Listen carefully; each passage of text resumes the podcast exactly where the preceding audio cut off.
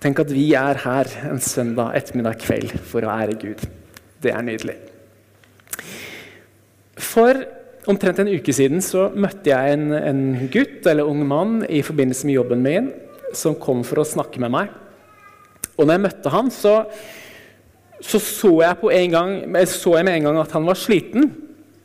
Og så viste det seg at det var også det han hadde lyst til å snakke meg, med meg om, at han var sliten. Og så snakker vi om studiene hans, vi snakker om forskjellige frivillige verv han har, vi snakker om jobben han har. Så, så kommer jeg liksom ikke helt i bånd i den samtalen. Men når, vi, når kaffekoppen er nesten ferdig, så, så, sier han til meg at sannheten er at jeg er sliten av å være kristen. Det er andre ting som er slitsomt, men det jeg er sliten av, er å være kristen. Det er så mange skulle og burde som jeg ikke lykkes med. Og så sier han noe. Han sier at 'jeg har lært at når Jesus døde på korset, så sa han det er fullbrakt'. Men så sier han, men i mitt kristne liv så erfarer jeg det som at Jesus skulle sagt det er halvgjort. Nå har jeg gjort min del. Nå må du gjøre din del for å få den ballen her i mål sa han. Så ble det en fin samtale etter hvert. Men jeg lurer på, skulle vi tort å la det spørsmålet henge litt i lufta, faktisk? Kan man bli sliten av å være kristen? Er det slitsomt å tro på Jesus? For noen er det nesten som blasfemisk spørsmål. For andre så man kan relatere litt til spørsmålet, faktisk. Skal vi tørre å la det henge over? Idet vi går inn i teksten i dag, så blir det mye Bibel. Og da sier dere hurra. Dere vet det, I en gudstjeneste så er det sånn Den som taler, farger alltid talen av personlighet. Når vi synger tekster, de som har skrevet lovsangene våre, det er litt farga av de som har skrevet det. Når vi leser Guds ord, da er det Guds rene ord. Så Det er det beste som skjer i gudstjenesten. Eirik Lunde, er du klar? Vi leser fra Galaterbrevet 3. Uforstandige galatere, hvem har forheksa dere? Dere som har fått Jesus Kristus malt for øynene som den korsfestede. Svar meg på én ting. Fikk dere Ånden ved lovgjerninger eller ved å høre og tro? Er dere så uforstandige? Dere begynte ved ånden, og vil dere nå fortsette med kjøttet? Kjøtthur, hva har skjedd med dere? Dere som kom til tro i nåden, fikk ånd ved å tro og høre, skal dere nå fortsette i kjøttet. Det er en slags nøkkeltekst for i dag. Jeg har lært at i teologifaget og i, i, i bibel, um, bibelforskning og sånn, så er Galaterbrevet det er liksom det brevet med lavest status. Um, ikke det at det ikke har sin plass i Bibelen, ikke det at man tror det, at det ikke er Guds ord. Men det er på en måte ikke så elegant som de andre brevene. Um, og det er fordi at Paulus er rasende gjennom hele brevet. Um, i første kapittel, vers 8 sånn eller 9, så, så, begynner han å si dette. Hvis noe menneske eller en engel fra himmelen kommer og forteller deg noe annet enn det jeg sier til deg nå, så vær han forbannet, sier Paulus. Vi har lest her i kapittel 5 så sier han noe som at de som forkynner noe annet enn dette, måtte de skjære seg i hjel, eller iallfall skjære av diverse lemmer. Måtte de skjære seg. Det fins et trøkk og det et passion i Galaterbrevet, og det er fordi Galaterbrevet det er en sånn kampskrift. Det er en kampskrift som er skrevet inn i en helt spesifikk strid. Og jeg skulle gjerne fortalt dere at den striden at den ble, var ferdig for 2000 år siden. Men den striden den har gått gjennom alle århundrer like til i dag. Og den striden tror jeg at raser i ditt og mitt hjerte i dag. Skal vi se litt nærmere på hva den striden er for noe? Og nå hvis du hadde sittet med Bibelen foran deg, så hadde du vært mitt yndlingsmenneske. Men yes! Jeg forteller litt sånn fra Galaterne 2 nå. Det som er, at Paulus han har sin tjeneste inn mot hedningene. Av og til så tenker vi at hedningene, eller for jeg når jeg leser sånn jøder og hedninger, så tenker jeg hedningene det er de med vannkjemma hår som tok borgerlig konfirmasjon. Det er de hedningene. Men vet du hva? Hedningene det er en stor sekkebetegnelse. altså. Det er blodige barbarer. Det er de som dansa til solguden med sensuell dans. Det er de som ofra barna sine til romerske guder. Det er en svær sekkebetegnelse av virvar. Og nå er Paulus Paulus jobber inn mot en svær romersk region som heter Galatia. og Her er det bygd menigheter. Guds ord har slått rot i denne romerske delen av verden. Og så står det at Paulus har forkynt. Han har ved ord malt Jesus Kristus for øynene deres. Disse villmennene de har fått lov til å se at Gud ble menneske, gikk i døden for oss gjorde oss rettferdige, ga oss fred med Gud. Og når de hørte det, så så de Jesus foran seg. De så Jesus kjærlighet malt for dem. Og Så trodde de det, og så ble de frelst. Og så blir liv forandra, det bygges menigheter, og det er framgang for Guds rike. Men så kommer det en gjeng bibellærere fra Judea, nær Jerusalem. Disse også elsket Jesus. De trodde på Jesu død oppstandelse, de trodde på bønn og tilbedelse, de trodde på dåpen i Den hellige ånd, de trodde på dåpen. De trodde på alt det som de kristne i Galatia trodde på. De bare trodde på litt til. De trodde at for å bli frelst så måtte man i tillegg til å tro på Jesus leve etter de jødiske lovene og reglene. De syntes det var kjempeartig at hedninger kom til tro. Og det var kjempefint. De begynte med å tro på Jesus, men nå trengte de å brette opp ermene. Nå trengte de å lære seg jødenes forskrifter. 613 stykker av forbud og påbud som de mente at disse kristne skulle lære. Jeg var i Israel på studiereise for to uker siden. Halleluja. Det var en 40-årsgave som hadde ligget og venta litt. Um, jeg må si, Å gå rundt på de stedene som Jesus har gått, at det blir fysisk, liksom, det gjør det meg. Vi må dra til Israel sammen en gang. Det må vi. Eh, men så var jeg også på et sånn eh, eller, bare, altså de, er, de, er, så nidkjære. Så jeg var på et hotell under sabbaten i, i Jerusalem. og Så sto jeg og venta på heisen, og så trykka jeg. Trykka jeg. Og så så jeg at hei, heisen står jo oppe rett foran meg eh, med dørene åpne. Og så gikk jeg inn i heisen, og så skulle jeg opp i 7. etasje. Men før jeg rekker å trykke på 7. etasje, så begynner heisen å gå til første etasje. Og så åpner han dørene. Og så går døren igjen, og så opp i andre etasje. Opp i tredje etasje, fjerde opp til sjuende etasje. Og så skjønte jeg at det her er jo en sabbatsheis. Jødene de har et påbud om at man ikke skal arbeide på sabbaten. Og de definerer å trykke på en knapp som arbeid. Så her ble jeg fløyet opp av en heis uten å trykke. De fortalte meg også at på dette hotellet så tok de dopapir og delte opp i passe lengder. Fordi man også definerer det som arbeid å bryte toalettpapir.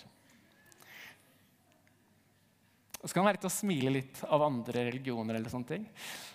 Men vi gjør litt rare ting, vi òg. Men de her var nidkjære, og det som skjer, er at det blir skikkelig dårlig stemning. De kommer og sier at det er søtt at dere tror på Jesus, men nå må dere brette opp ermene.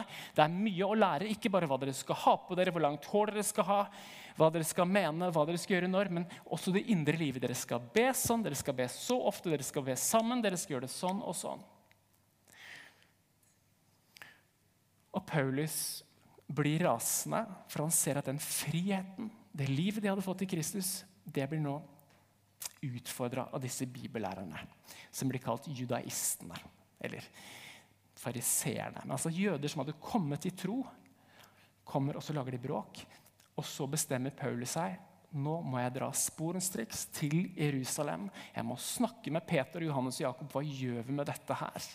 For nå har det kommet to lag i Guds rike. Nå har det blitt kamp, nå har det blitt strid i Guds rike. Det fins ett parti med Paulus som sier vet du hva? Hvis du tror på evangeliet, så blir du frelst. Og så vil det føre til gode gjerninger.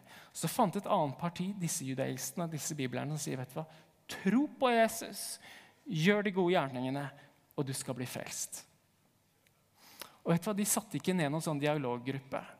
Paulus fordømte dem, dro til Jerusalem og sa at dette her må vi lande, for disse to tingene funker ikke sammen. Paulus forkynte at Jesus ropte 'det er fullbrakt', for å bruke det bildet.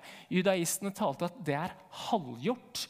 Troen er inngangspartiet. Nå må vi bare begynne å handle, og så skal du bli frelst. Og så kommer de ned til Jerusalem, og jeg lurer på om vi har eh, på om vi har den teksten i Apostelens i 15, 1-6.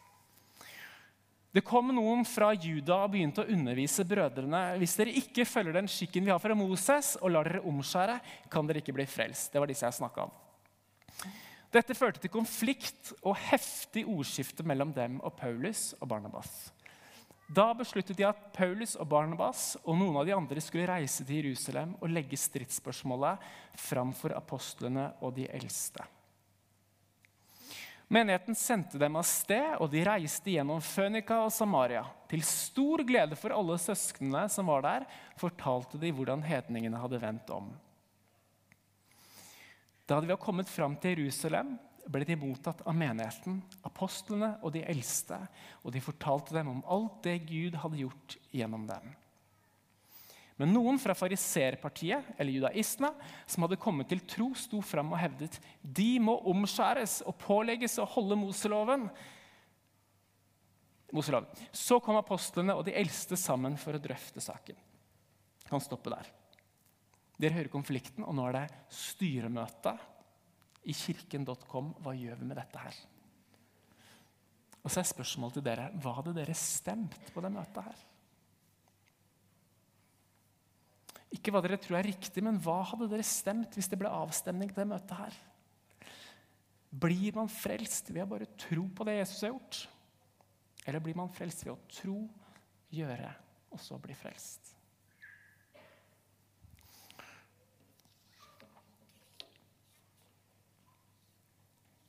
Hvordan ble du frelst? Hvordan kom du til tro? Jeg har lyst til å si en ting som pastor i den kirken her, at kollektivet vi er grunnlagt på en slags sånn lengsel etter å se mer av Gud. Vi ber om vekkelse over den byen her. Det er bare en advarsel. Vi ber om en åpen himmel. Vi ønsker å se mennesker berørt av Guds ånd. Og så har vi en sånn lengsel inne som sier at vi vet at Gud fins, og hvis Gud fins, så vil vi kjenne ham. Hvis det er sant at Gud taler, så vil vi høre hans stemme. Hvis det er sant at Gud griper inn i verden, vet du, da skal vi være der. Da skal vi kjenne hans kraft. Vet du, Den åren den ligger i kirka vår, og den kommer alltid til å ligge der. Vi vil se mer. Vi tror det er mer land å innta. Men vet du? Fordi vi er en kirke som vil veldig mye, så trenger vi å være 100% grunnfesta i frelsen. At vi er rettferdiggjort for Gud, ikke for hva vi gjør eller har gjort, men for hva Han allerede har gjort. Vi er rettferdiggjort for Jesus fordi vi tror at han ble menneske, døde på korset og sto opp igjen. Og ved å tro det, så er vi frelst. Og det trenger vi å vite med begge beina. Vi trenger å stå støtt. Av og til så er det sånn at når man vil mye og vil se mye mer, så kan vi gjøre hele forsoningsverket eller hele rettferdiggjørelsen til en liten sånn leddsetning. Jeg er takknemlig for det Jesus gjorde på korset, men nå må jeg se og streite ut mitt liv litt kjapt. Og så blir den redningsaksjonen som Gud hadde planlagt fra tidenes morgen, og som profetene gjennom Gamletestamentet lengta etter å få se, så blir det en liten leddsetning som vi bruker et halvt sekund på. Jeg er så takknemlig for det Gud gjorde for meg, men nå er det tiden for meg til å gå ut og tjene ham og bli den som han vil at jeg skal bli. Og så er det jo ikke feil heller. Frelsen har noen følger. Men jeg tror vi i dag kalles til å bare stoppe litt opp ikke sette komma, men vet du hva? Jeg er rettferdiggjort ved tro. Det er nåde. Jeg er rettferdiggjort ved å tro på Jesus Kristus. Hvis en mann hadde kommet og fridd til deg, så er det en fin ting. Men så skjønte du at vet du hva? det han var ute etter, var egentlig bare barna dine. At du kunne gi ham barn, produsere barn for ham. Da ville vi kunne kalt det en litt kald kjærlighet. Men det er litt sånn vi mistenker Jesus for av og til. Kommer han egentlig meg for å se frukten av dette? Eller kommer han til meg fordi han elsker meg? Så står det at Jesus viste sin kjærlighet til oss ved at han døde for oss mens vi enda var syndere. Han er ikke bare ute til frukten av vårt liv. Han døde for oss mens vi enda var syndere, før vi hadde gått på møte, før vi hadde sunget en eneste sang. Vet du hva, Jeg møter jeg, veldig mange mennesker som gjør fantastisk fine ting i Guds rike, men som står litt ustøtt. Kanskje er du den mest radikale i hele bydelen din. Men hvis du stopper opp, så kan du kjenne liksom malende uro på er jeg egentlig bra nok. Holder dette egentlig mål? Og så vet du egentlig det jeg sier nå. ikke sant? Det er nåde, det er tro. sånn.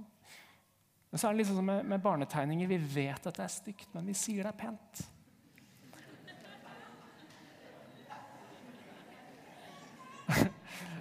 Og så tenker du litt om, sånn om ditt liv og ja, jeg hører hva du sier, men vi vet jo alle at dette ikke er bra.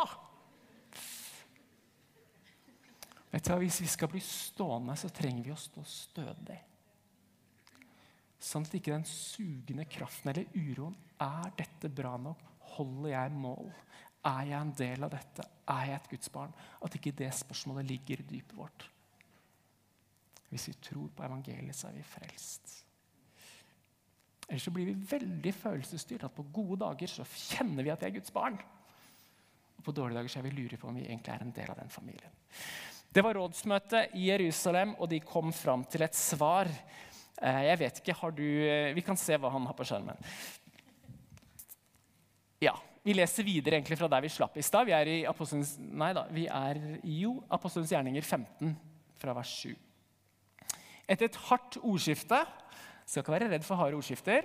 Etter et hardt ordskifte reiste Peter seg og sa til dem.: Brødre, dere vet at Gud for lenge siden utvalgte meg blant dere, så hedningene skulle få høre evangeliets ord av min munn og komme til tro. Og Gud, som kjenner menneskets hjerter, ga dem sitt vitnemål ved at de fikk Den hellige ånd, slik som vi.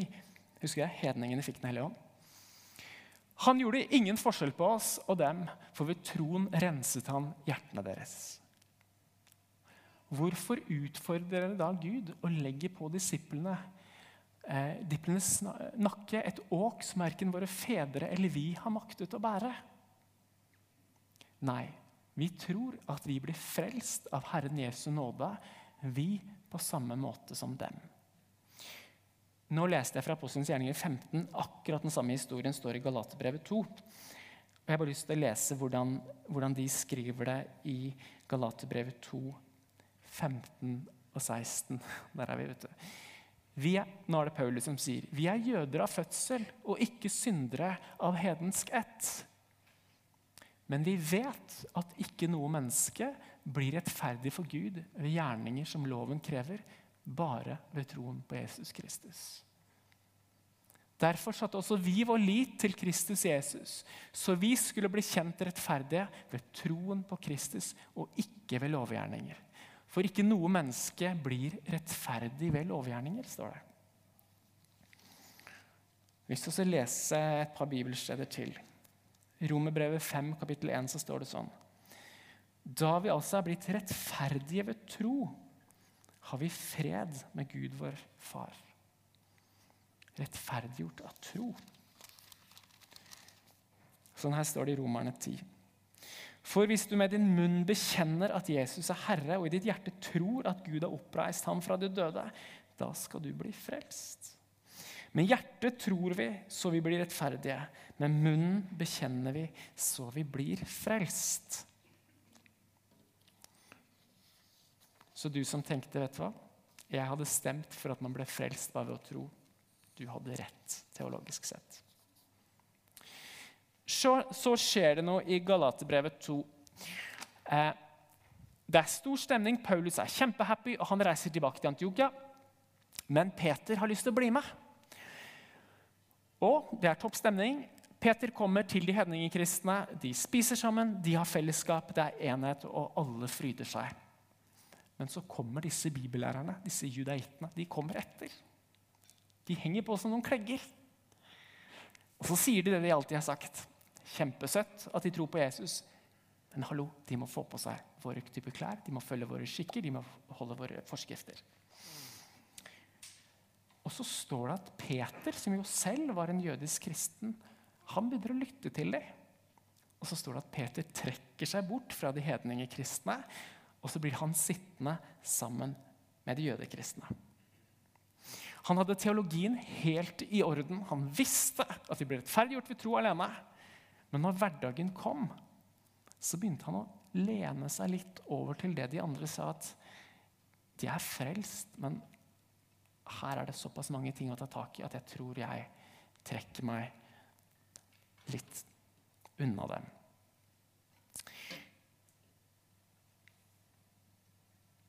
Da går Paulus kraftig i rette med, de, med Peter og skjeller han ut foran de andre.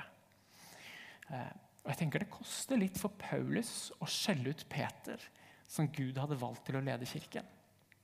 Men foran de andre så tror jeg Paulus må ha skjønt at hvis vi er uklare på dette her, så kommer det til å være uklart for millioner på millioner på millioner av kristne hva som er evangeliet. Så han skjeller ut Peter og setter ned stolpen. at vet hva, Vi blir rettferdiggjort ved tro. Yes, det kan føre til gode gjerninger, men det er ikke bremsen for å komme inn i Guds familie. Så kan vi sitte her og ha teologisk rett, men hva skjer i våre liv? Hvordan tenker vi? Jeg kan ha det sånn at jeg kan være i tilbedelse sånn som jeg var i stad, kan kjenne på trygghet, enhet, glede i Jesus. Og så banker noen av disse bibellærerne her på døra mi. I min sjel. Og så blir jeg likevel litt usikker. Av og til så kan du komme, komme utenfra. Vi har noe som heter extra biblical teaching. og eh, for når jeg var ung, så var, vi, var det noen som, som, talte til meg og sa vet du hva, vi må ikke kysse før ekteskapet. Og jeg smiler ikke av det, for de som sa det, de hadde opplevd at det var en god og trygg regel i deres liv. Det hadde velsigna dem, det hadde hindra dem fra ting. Eh, og som et godt råd så forkynte jeg ikke kyss for ekteskapet. Men for noen av oss, Jeg holdt det, men kona slet med det. så vi, vi nei da. Men for noen så ble det en krevende undervisning. Ok, da er jeg ikke bra nok. Her falt jeg, her slet jeg. Jeg, sto, jeg hadde stått og talt en gang, jeg holdt informasjon, så kommer noen til meg etterpå. Jeg hadde snakka om sommerfestival. Jeg hadde vel sagt, liksom, I familien vår vi elsker sommerfestivaler. Ingen sommer uten i hvert fall tre stevner eller festivaler. Men så hadde jeg stått og snakka om det her på talerstolen som om det var en selvfølge at alle dro på sommerfestivaler eller sommerstevner. Og så kom den bort til meg og sa vet du hva, jeg har tre uker ferie. Jeg har lyst til å prioritere det, prioritere det sånn. Og så hadde han kjent seg fordømt av det som egentlig bare var et sånn godt råd fra meg. eller som var sånn, dette synes jeg er bra. Kanskje er det sånn Hei, vi er en gjeng som ber for syke på gata. Tror du ikke på helbredelse? Hallo, Hvis du gjør det, så burde du i hvert fall vært der. Og så kjenner du da ah, ja.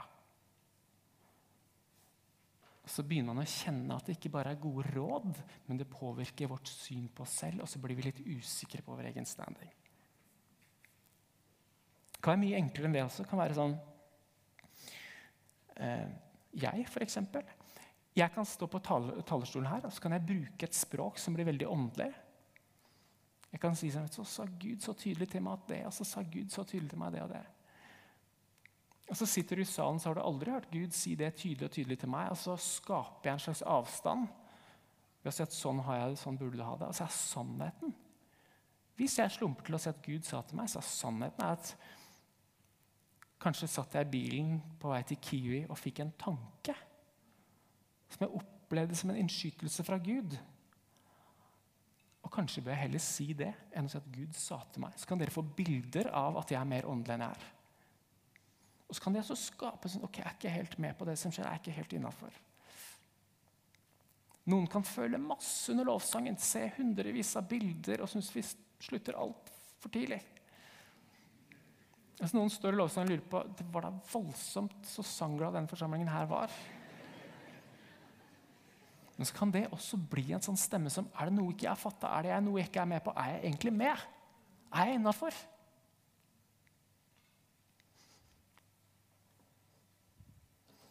Så er det noe som kommer innafra, altså. Jeg snakka om bitterhet her om, for noen uker siden. Hvis du kjenner at du bærer på skam overfor Gud, eller at du ikke tilgir deg selv, f.eks., så er det også et tegn på at du har blitt litt judaist i hjertet ditt. For da sier du egentlig til Gud at ja, jeg hører at du tilgir meg, ta, ta, ta, men jeg har en høyere standard i mitt liv. Det er ikke bra nok for meg.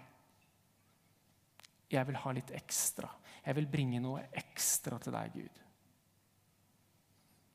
Så forteller det egentlig at det er tro pluss lite grann.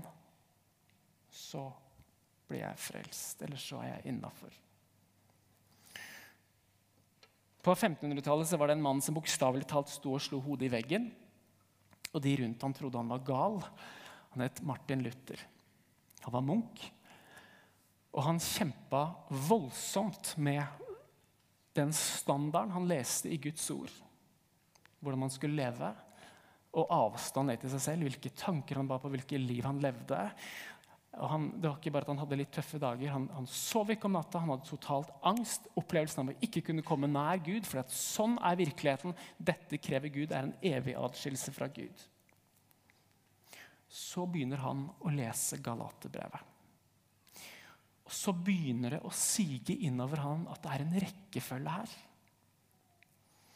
At han blir rettferdiggjort av tro, og at han deretter kan begynne å bli mer og mer lik Jesus. At det fins en rytme i Guds rike av 'Kom til meg, så skal jeg gjøre dere til menneskefiskere'. Dere elsker fordi jeg elsket først. Og så sier Luther Han sier Galaterbrevet er mitt brev. Det er min trolovede og min kone, sier han. I Galaterbrevet fant jeg den skatten som gjorde at den uroen jeg har kjent på hele livet, landa. Galaterbrevet er min kone. Og Så skriver Luther en utlegning av Galaterbrevet. og Da bruker han en evangelietekst hvor Jesus kanskje kjenner dere historien, hvor Jesus vekker Lasarus opp fra de døde. Lasarus hadde vært død i tre eller fire døgn. Han var bundet på hender og føtter, og han var surra inn i et likklede. Det var død, og han stinka mest sannsynligvis av død. Og Hvordan han kom i det hele tatt ut av denne grotta, er jo uklart. Men han, Om han rulla ut eller hoppa sidelengs ut, jeg vet ikke. Men så sier Luther i det Jesus sa 'kom', så ble det liv i Lasarus. Han stinka, han var bundet, men han hadde fått livet. Og Så bruker han det som et bilde på vet du hva, i rettferdiggjørelsen med å tro, så får jeg livet. Og så vil det ta litt tid, så vil det som binder meg, og det som gjør at det stinker i livet mitt, det vil falle av. Han hadde hele tida trodd at så lenge han stinka, for å bruke uttrykket, så lenge han var bundet og stinka, så var det ingen vei til Gud. Men så begynte det å sige inn at vet du hva, jeg har fått livet. Og fordi jeg er blitt rettferdig for Gud, fordi jeg er blitt et Guds barn, så kan dette som binder meg, begynne å falle av. Og det er starten på reformasjonen. Som egentlig har forandra hele verden. Og så forteller historien, eller Vekkelseshistorien forteller at brødrene Wesley, Charles og broderen Wesley de møtes til bønn sammen med to-tre andre. Og de begynner å lese Luthers utleggelse av Galaterbrevet. Og når de leser Luthers utleggelse av Galaterbrevet, så faller de på kne. Og der begynner spiren til det som ble metodistvekkelsen. De skjønte det var noe som klikka på plass. Vet du, Det starter her. Jeg er rettferdiggjort for Gud kun ved tro. Hm? Kan jo si amen eller et eller annet sånn. I dag skal vi ha nattverd. Jeg hadde lyst til å bare si det at når du kommer, så er det ikke sånn at du må grafse til deg litt brød og litt vin for å holde uten neste uka med Jesus. vet du hva? Vi feirer et måltid for å minnes at Jesus har gjort alt. Hvis du er litt sånn som meg, så sitter du i salen nå og så tenker du, vet du hva, jeg tror på dette. Dette er bra. Tommel opp. Men det står også ganske mye i Guds ord om å gi jernet. All in. Bli lik Jesus. Bli helliggjort. Bli hellig. vet du hva? Ja, det gjør det. Og det er faktisk det nøkkelteksten vår handler om. Den sier at du som har startet i ånd, du som har blitt frelst, tatt mot Jesus, fått liv i ånd, skal du nå fortsette helliggjørelsen i kjøttet. Innforstått han syns det er en dårlig idé. Det han sier, er Dere kom til tro ved å se Jesu Kristi kjærlighet malt for dere. Og det sa dere ja til, og dere ble frelst. Altså, sånn skal dere også helliggjøres. Ved å løfte blikket, se Jesu kjærlighet, hva han har betalt for dere. Av og til så sier jeg og kanskje andre også sånn at å ta imot Jesus det er på en måte bare første steget inn. Inn i resepsjonen på et hotell. Liksom. Det er første steget inn i et palass. Det fins så mye mer enn bare akkurat det her å ta imot Jesus. Mm? Men vi må, ikke, vi må ikke mikse det med at evangeliet på en måte bare er å komme inn i resepsjonen. Evangeliet er nøkkelen til alle disse rommene. Da. Vi vokser aldri ut av forbi lengre enn evangeliet. At Jesus Kristus ga sitt liv, for han elsket deg. Så hvis du har lyst til å gå inn i et rom som heter frihet fra bitterhet, f.eks. Hvordan går du inn i det rommet? Og det er at du løfter blikket. Og så ser du Jesus, han som har tilgitt deg alle ting. Han som har tålt alle ting. Og når du ser Jesus, så får du kraft til å tilgi. Det er evangeliet. Hvis du ønsker å gå inn i et rom av raushet i livet ditt Kjempe med det. Du nyholder på dine ting. Du ønsker å leve raust. Da kan du løfte blikket, så kan du se Jesus Kristus korsfesta. Han som ga alt. Han som ikke så det som et røvet bytte å være lik Gud, står det. Det du har røva, det nyholder du litt ekstra på. Han ga fra seg alt, ikke bare omstendigheter, men også alt han hadde tilgang på. Når vi ser han som er villig til å ofre alt og gi alt, så er det lett å gi den 200-lappen. Kanskje.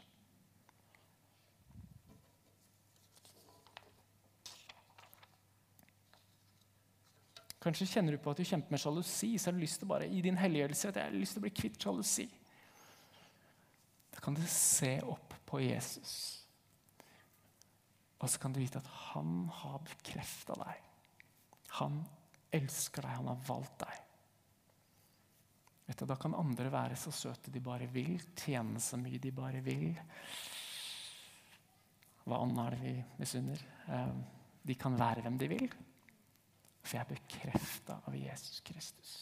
Og så ser vi at dette, måten man kommer til tro på, også er nøkkelen for helliggjørelse. Jeg syns det beste bildet er tålmodighet eller å utholde. Tenk på Stefanus som ble steina. Steina, drept med stein. Hva er det som skjer når han står der? Han løfter blikket, så ser han Jesus Kristus stående ved Guds høyre hånd. Og så utholder han å bli steina. Ser Jesus Kristus for seg.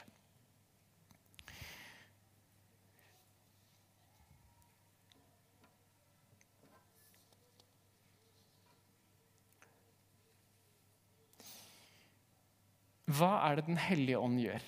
Og Den hellige ånd peker på Jesus.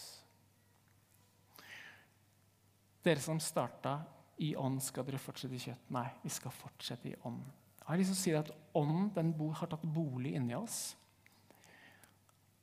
Og jeg nå kan jeg ta feil, men jeg har møtt veldig få mennesker som har kommet til tro, som ikke har vært interessert i å vokse med Gud. Av og til så blir vi så stressa. Vi å fortelle hallo, vi skal jo bli heldige. Kom igjen, kom igjen. Jeg har nesten aldri møtt noen som har tatt imot Jesus, som ikke helt naturlig drives mot det. Det er fordi Den hellige ånd er flytta inn her. Så Den hellige ånd kom inn her, og han tar ansvar også for helliggjørelsen. Så kan vi stritte imot, vi kan rope nei, men det ligger en motor her inne som vil det. Av og til så, så kan vi tenke at dette var helliggjørelse det er å løpe etter noe der framme. Kanskje har du sett en film eller en video av noen som lever under helt andre omstendigheter enn deg, som er helt annerledes enn deg, som helt andre forutsetninger enn deg, men som lever superradikalt. Og så prøver du å løpe etter dem og bli sånn som dem. Det står ingenting om at vi skal løpe i Den hellige ånd, så at vi skal vandre. Kanskje betyr det at neste gang du skal velge en serie å se på, så hvisker ånden i øret ditt den serien trenger du å se. Og så kan du si nei, det skal jeg ikke. Vet du hva? Han skal du invitere. Ja, det kan jeg gjøre. Så er det en vandring i ånden. Den hellige ånd går heller ikke bak og sparker deg bak og minner deg om alt du burde gjort bedre. Han er i deg. Vi skal samles rundt nattverdsbordet, men til spørsmålet går det an å bli sliten av å være kristen, så er svaret absolutt ja. Hvis vi går inn og prøver å ta Jesus sin jobb, så kan du slite deg sønder og sammen.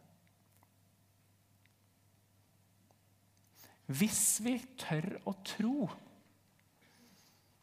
at Jesus er den som har rettferdiggjort oss, og at Jesus ved Den hellige ånd også er den som helliggjør oss, så kommer det til å koste, ja. Det kommer til å være dager hvor du føler at det er stor risiko. Det kan være dager hvor du ikke skjønner noen ting. Men det er ikke tungt. Det er lett fordi han bærer oss.